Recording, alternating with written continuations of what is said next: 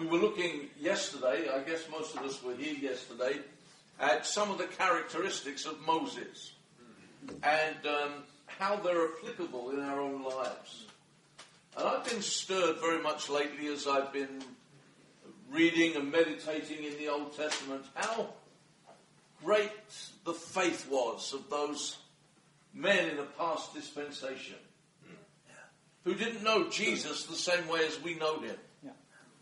Who didn't have the indwelling of the Holy Spirit in the same way as we do, and yet had tremendous faith, had this close and intimate relationship with the Lord.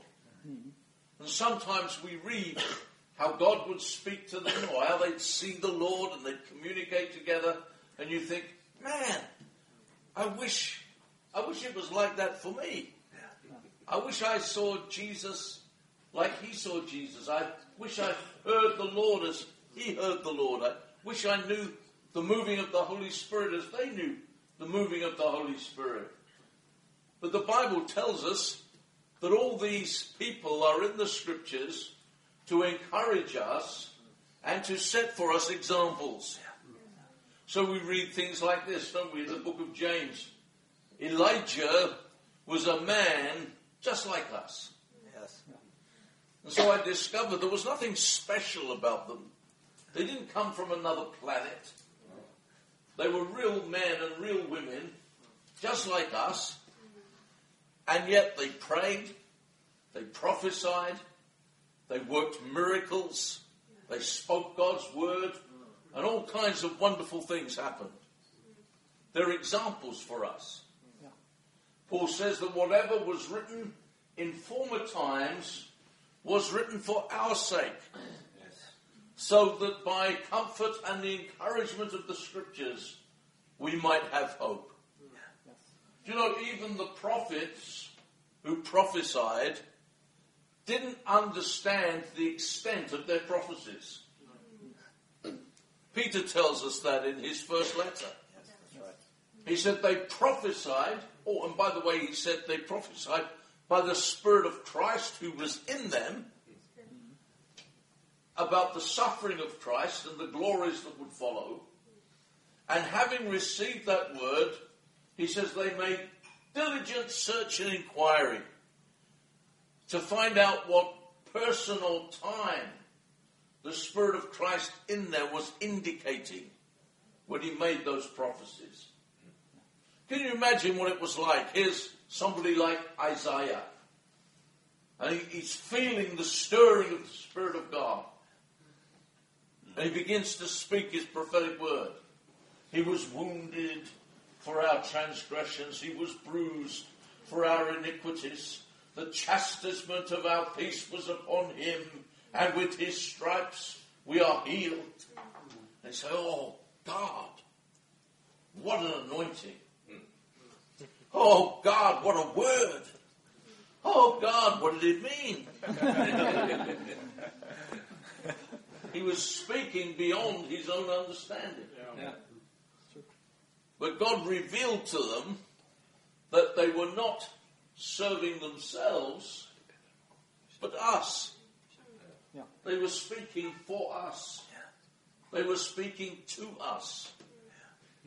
The words that they carried have come into a dynamic reality in our day and generation. Yes. And all the great heroes of faith down history, through history have been pointing forward to the day in which you and I live. All the great heroes down through history have been used by God to set examples of faith, examples of patience, examples of hope, uh, examples of obedience that we would do well to seek to copy. Yeah. One of the great things about examples is that they're there for us to copy, Yes. to do what they did. And I want this morning to share a little about another great example, another great servant of God down in Old Testament history. But I want to read from the New Testament. And uh, in Paul's letter to the Galatians,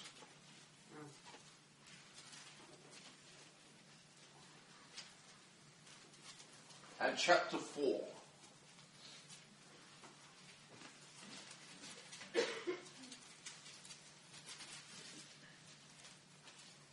Galatians chapter 4, verse 21.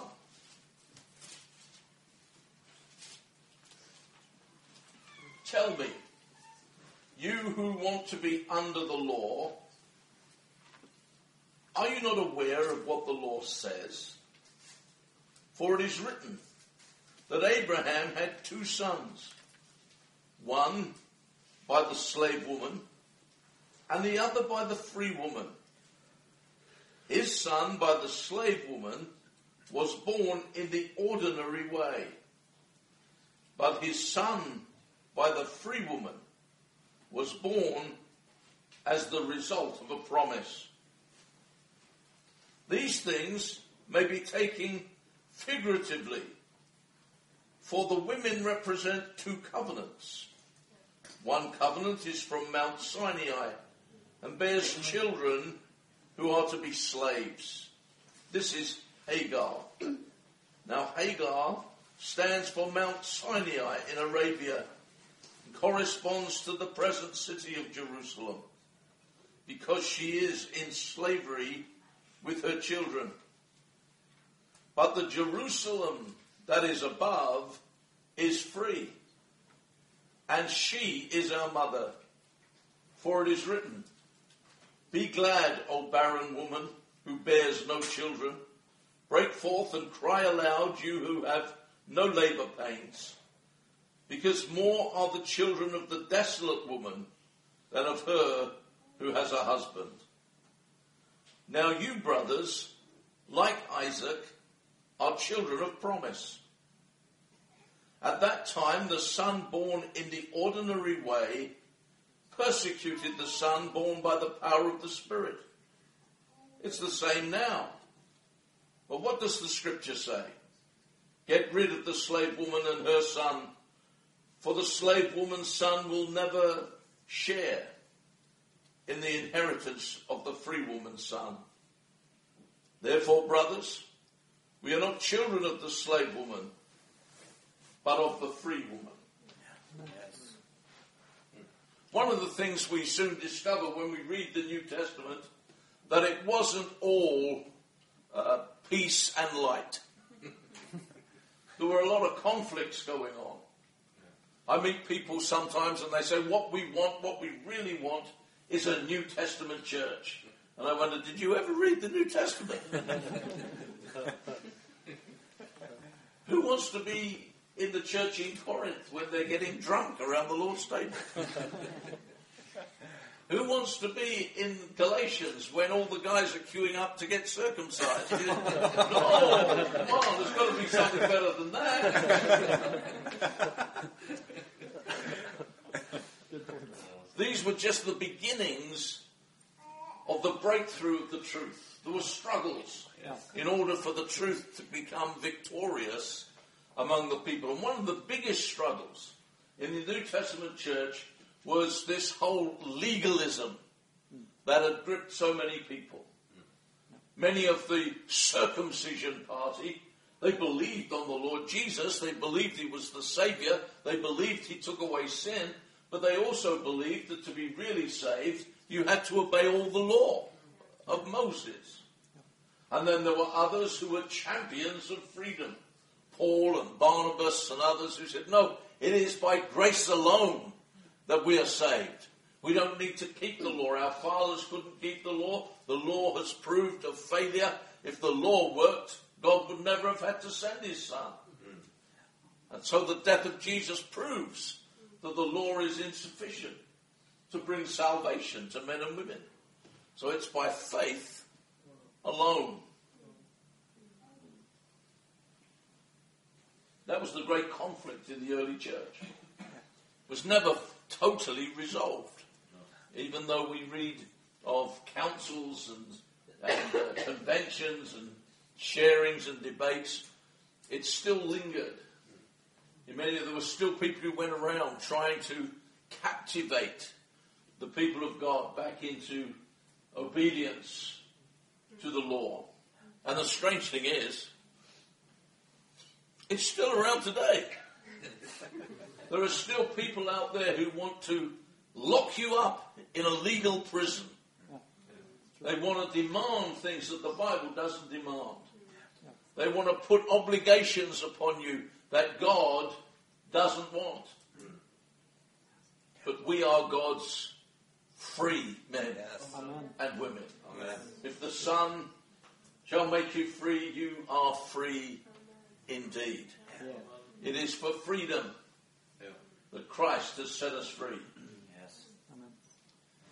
But Paul was facing that, that contention, that difficulty here with the Galatian church. And so he uses Isaac in particular as an outstanding illustration of the kind of people that God has redeemed. And he talks about these two sons that Abraham had Ishmael, who was born from Hagar, the slave woman, and Isaac, who was born of Sarah. And he says that these women represent two covenants. Hagar represents the old covenant, the covenant of Sinai, the law, the demands, the traditions, the ceremonies. But Sarah represents the heavenly covenant. Sarah represents the grace of God. Sarah represents the love of the Lord. Sarah represents the forgiveness and the favor that comes to those who believe. And he says, She is our mother. But in the same way, he said, just as in those old days, the son of the slave woman persecuted the son of the free woman, it's just the same today. Yeah. There are those pressures and those problems. He said, but I want you to understand this. Hagar represents the old covenant and represents the present day Jerusalem that is in slavery with her children. I want you to know that there is, in our day and generation, no special favor extended to ethnic Israel. All of God's favor is to those who will believe. The only way into the presence of God is by faith. Yes. The only way to become to come to Jesus is to repent and believe the gospel. There's no other way. There's no second chance. There's no other path that will lead us to the same destination. He wants us to know that we are Isaac people. I want to talk about that for a while, if I may. This Isaac people. Yes. One of the ways that he contrasts Ishmael and Isaac is by calling Ishmael the son born in the ordinary way. Well, I don't need to go into details, you know what that means. the son born by the natural process of the union between a man and a woman. Now, it's not that Isaac wasn't born that way, of course he was, but the highlight that, that, that, that, Paul makes was this he was born because of a promise. Yeah. God had made a promise. And the promise was that from his own flesh there would come a son through whom all the covenant promises of God would be released into the world. He would have a son. There was a promise.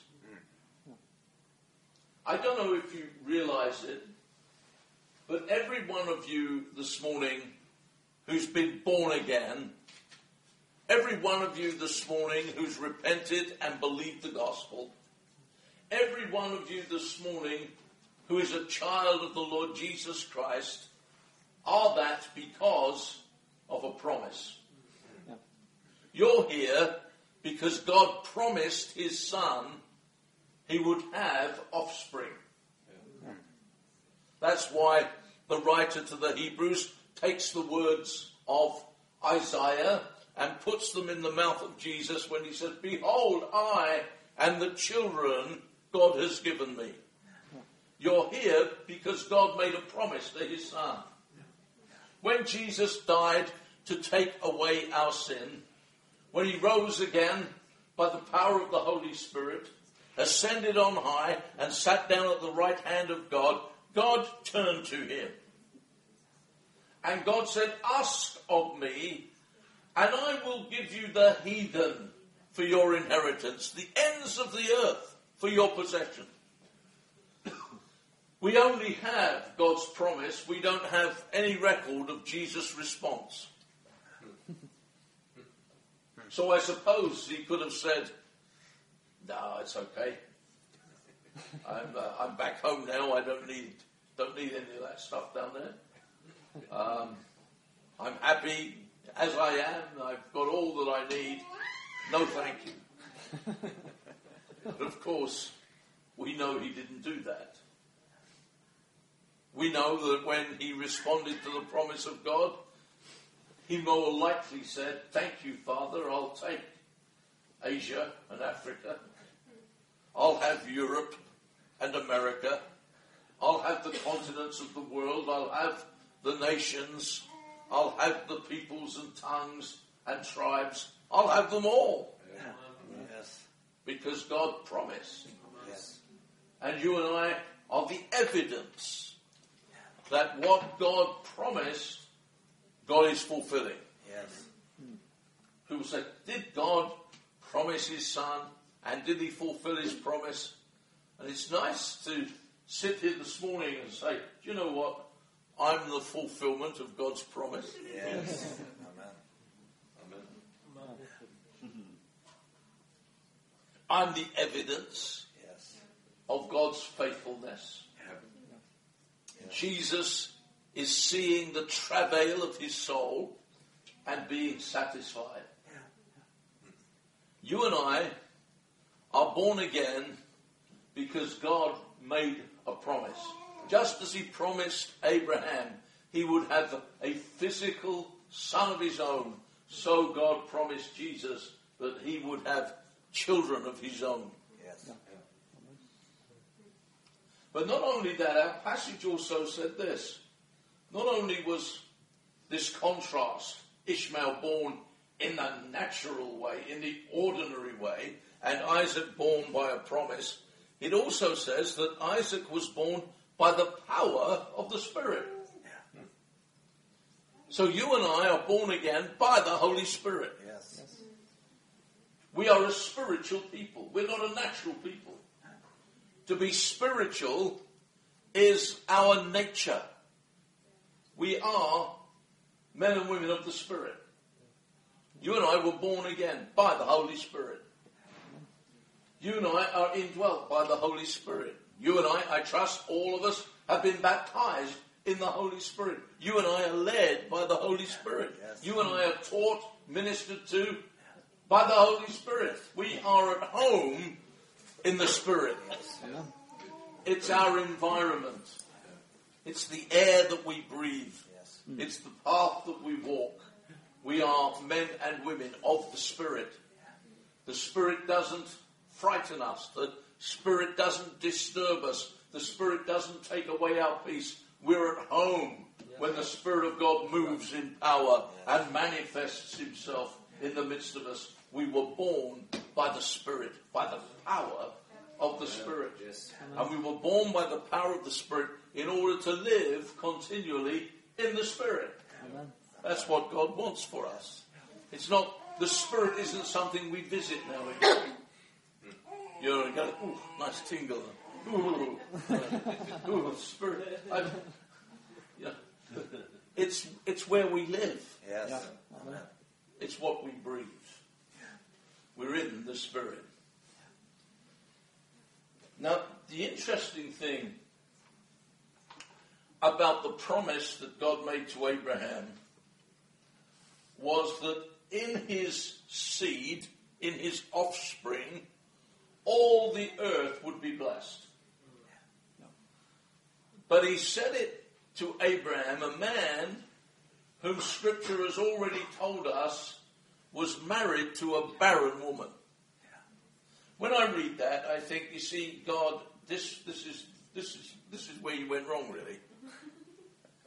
If you're going to make a promise that through the children the blessing of God's going to come, you should have made sure that Abraham married a girl who was very fertile.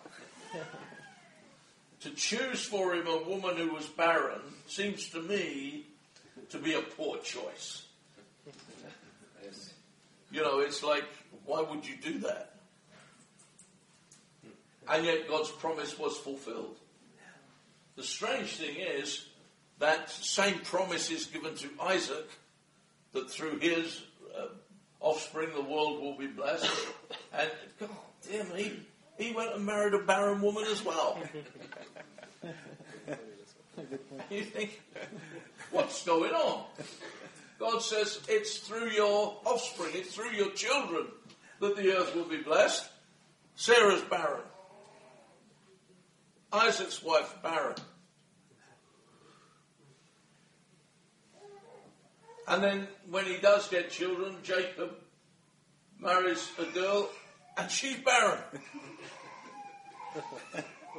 They've all got a major problem. By the way, let me just say, I don't know if this is true or not, but if any of you are having difficulty in having children, um, God specializes in opening wombs. And uh, you can have great confidence that God will give you the children that you desire. Um, and it happened. Abraham married to a barren woman, has a son. Isaac, married to a barren woman, has a son. Jacob, married to a barren woman, has a son. And you think, why God go through that pressure? I think basically for this reason. God wants us to know that all his children are the result of a miracle. Yes. Amen. You and I are here as children of God as the result of a miracle. Yes. Yeah. And Jesus made that, or John in his gospel, talking about the coming of Jesus, made that very clear. Let me turn you to John chapter 1.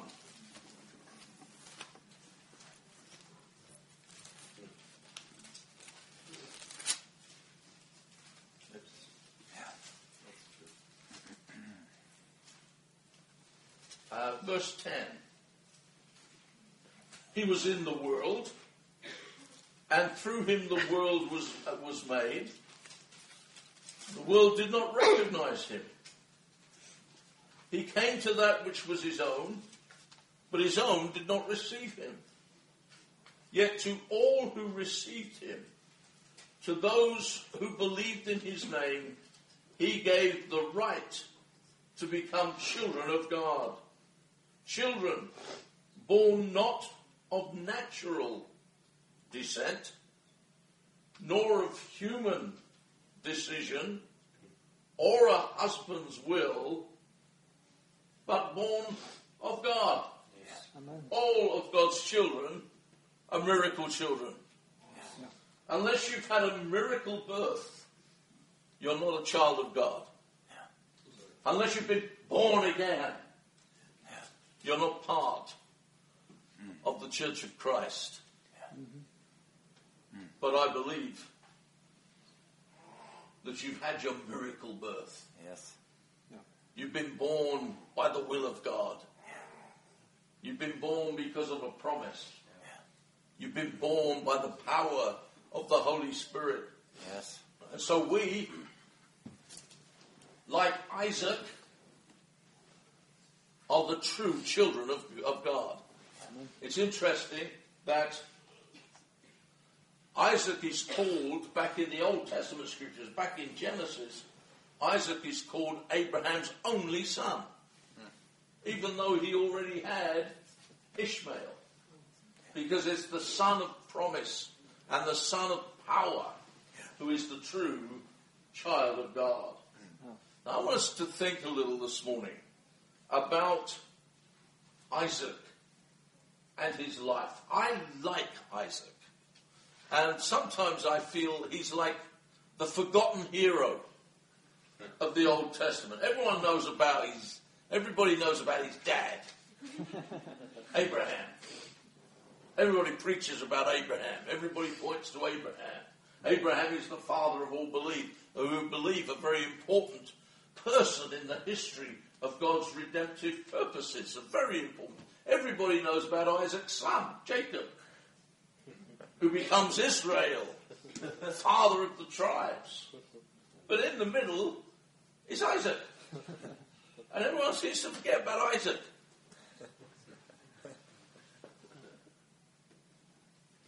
I want to talk to you about Isaac. Because Isaac is like us. Remember what Paul says to the Galatians? You, brothers, just like Isaac, are children of promise. Yeah. You're just like Isaac. I want to tell you some things about Isaac. Number one, this is very basic and fundamental. This isn't earth shattering, it's not great revelation, but I want you to hear it. The first thing we need to know about Isaac is that he lived. I don't mean, you know, well, we know he lived because we've read about him in the book. He really lived. The life that he lived was different from other people's lives. He lived life on a different dimension. He lived a different kind of life than the life Ishmael lived. You and I are called of God to live differently from the rest of the world. Because we have different priorities. We have different standards. We have different hopes and different dreams. We don't share the fears that the world has, the anxieties that the world has, the concerns over finance that the world has. We live on a different level. It's true that when things happen in the world, they will inevitably, to some degree or other, affect us. We won't escape the financial difficulties that are gripping our whole world right now. They may well affect us. We may lose a job. We may have reduced resource. We may have all those kind of things that the world has, but we're different to the world. Yeah.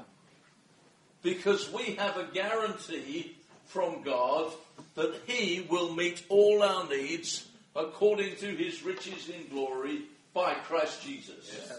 We live different to the rest of the world. Yeah. Jesus was walking along one day with his disciples, and the disciples were in serious financial debate. They turned to one another and said, What are we going to eat? They weren't discussing which five star restaurant they were going to go to that night. Oh, I fancy, uh, I fancy a bit of Italian at Luigi's tonight, you know. And no, they weren't. They were kind of going, what are we going to eat? We haven't got any food. Or they say, what, what are we going to wear? It wasn't, you know, what, what, you know, when, when we go out tonight, is it smart casual, or do I need to put on the Armani suit? No, they. What are we going to wear? We haven't got any clothes. And Jesus heard them. He may not have heard them with his ears, but he heard them in the spirit. And uh, he said, Let me give you a lesson, boys. He said, um, Look at the birds of the air. You don't see them riding a tractor. You don't see them sowing seeds. But your father feeds them. Look at the flowers in the field. You don't see them with a sewing machine.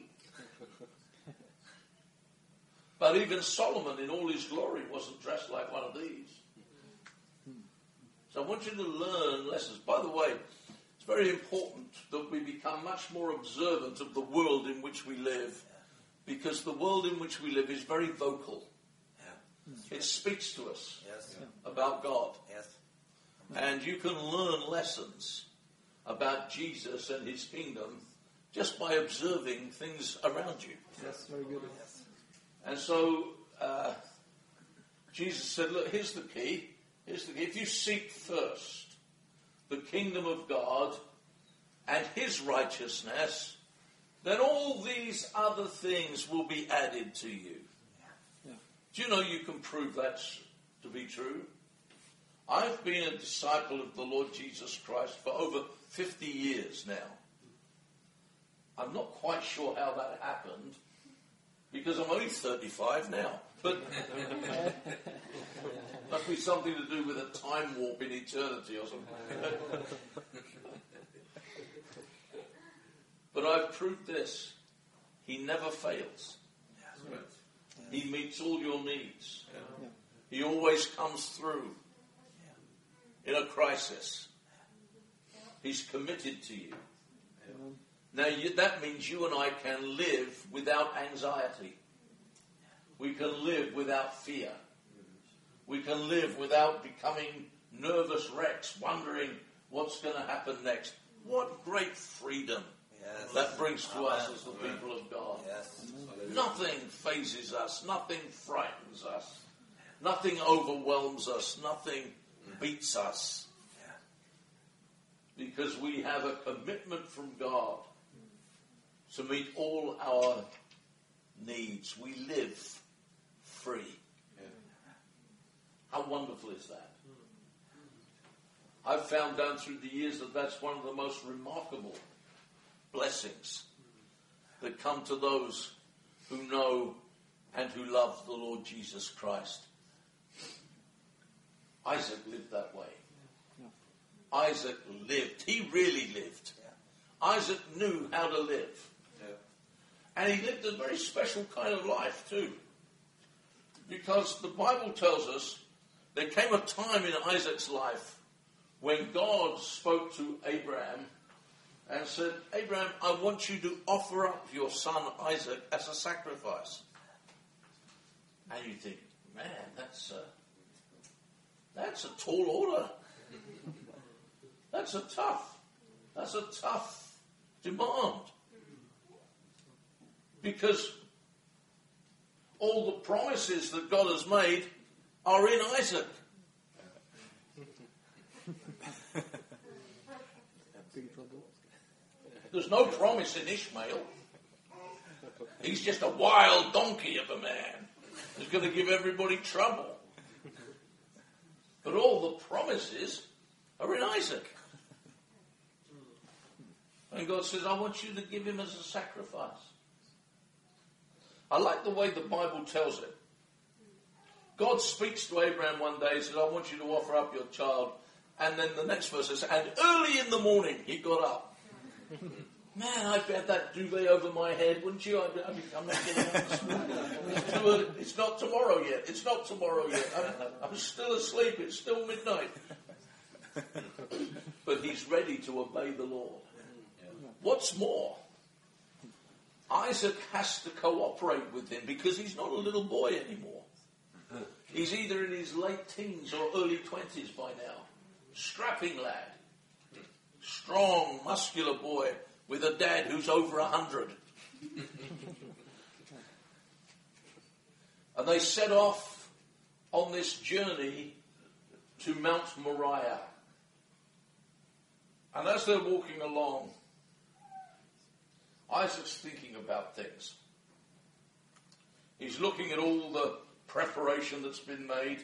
He's looking at everything they've gathered ready for the journey. And he's thinking to himself, something missing. and after a while he says, uh, Dad,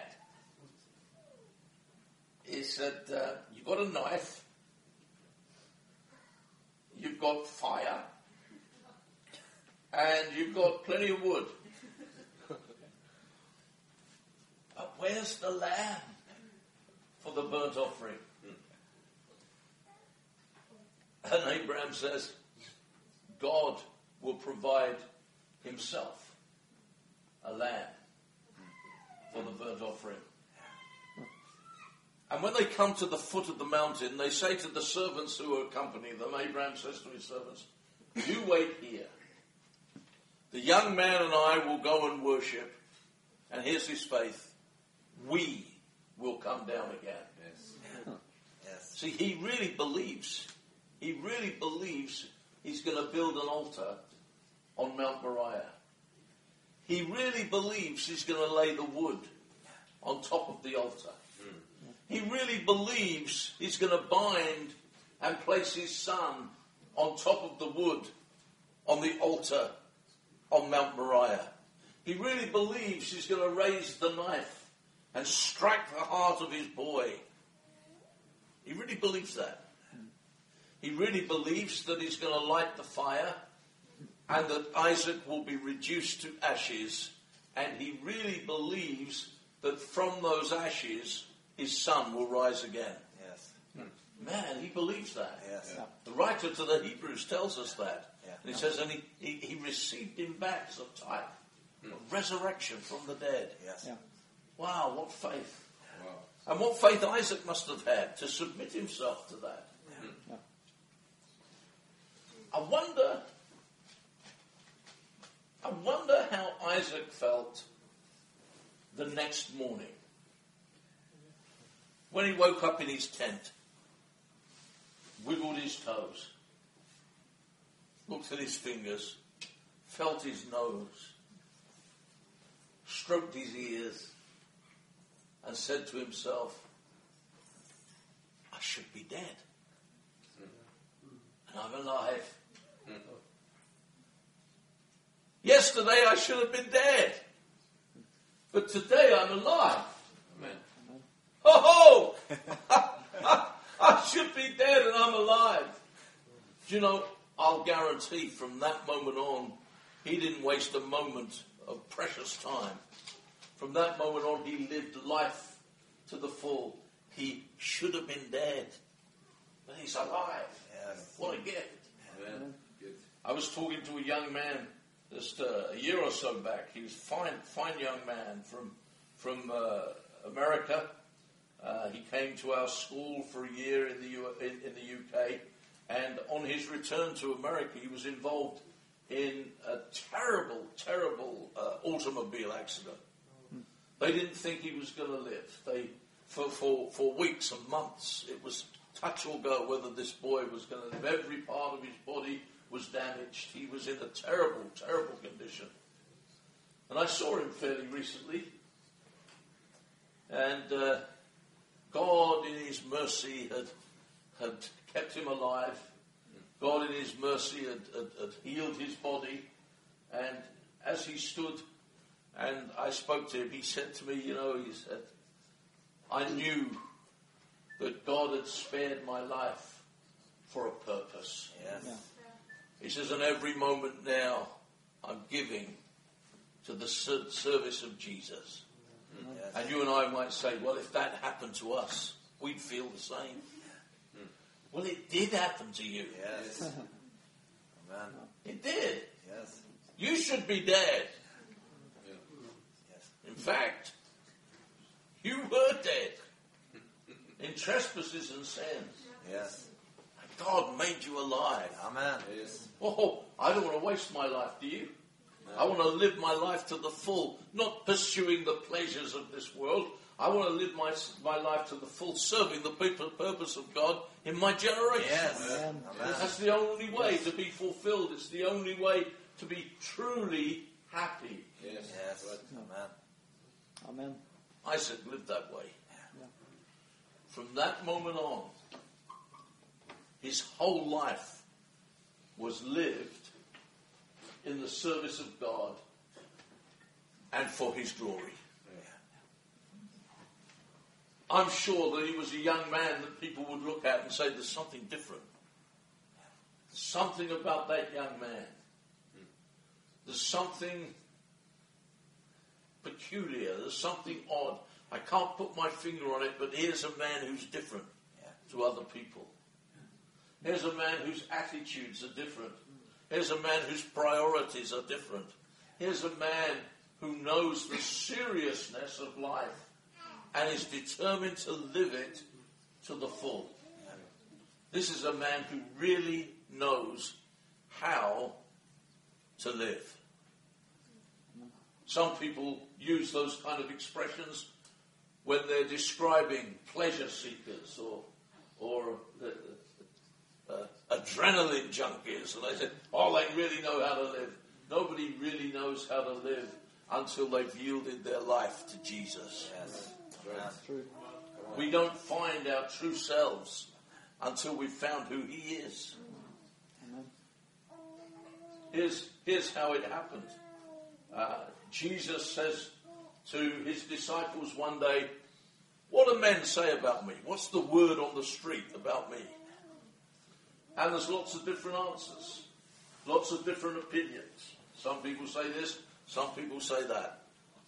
And then he says, But who do you say I am? And Simon says, Oh, oh, oh, he said,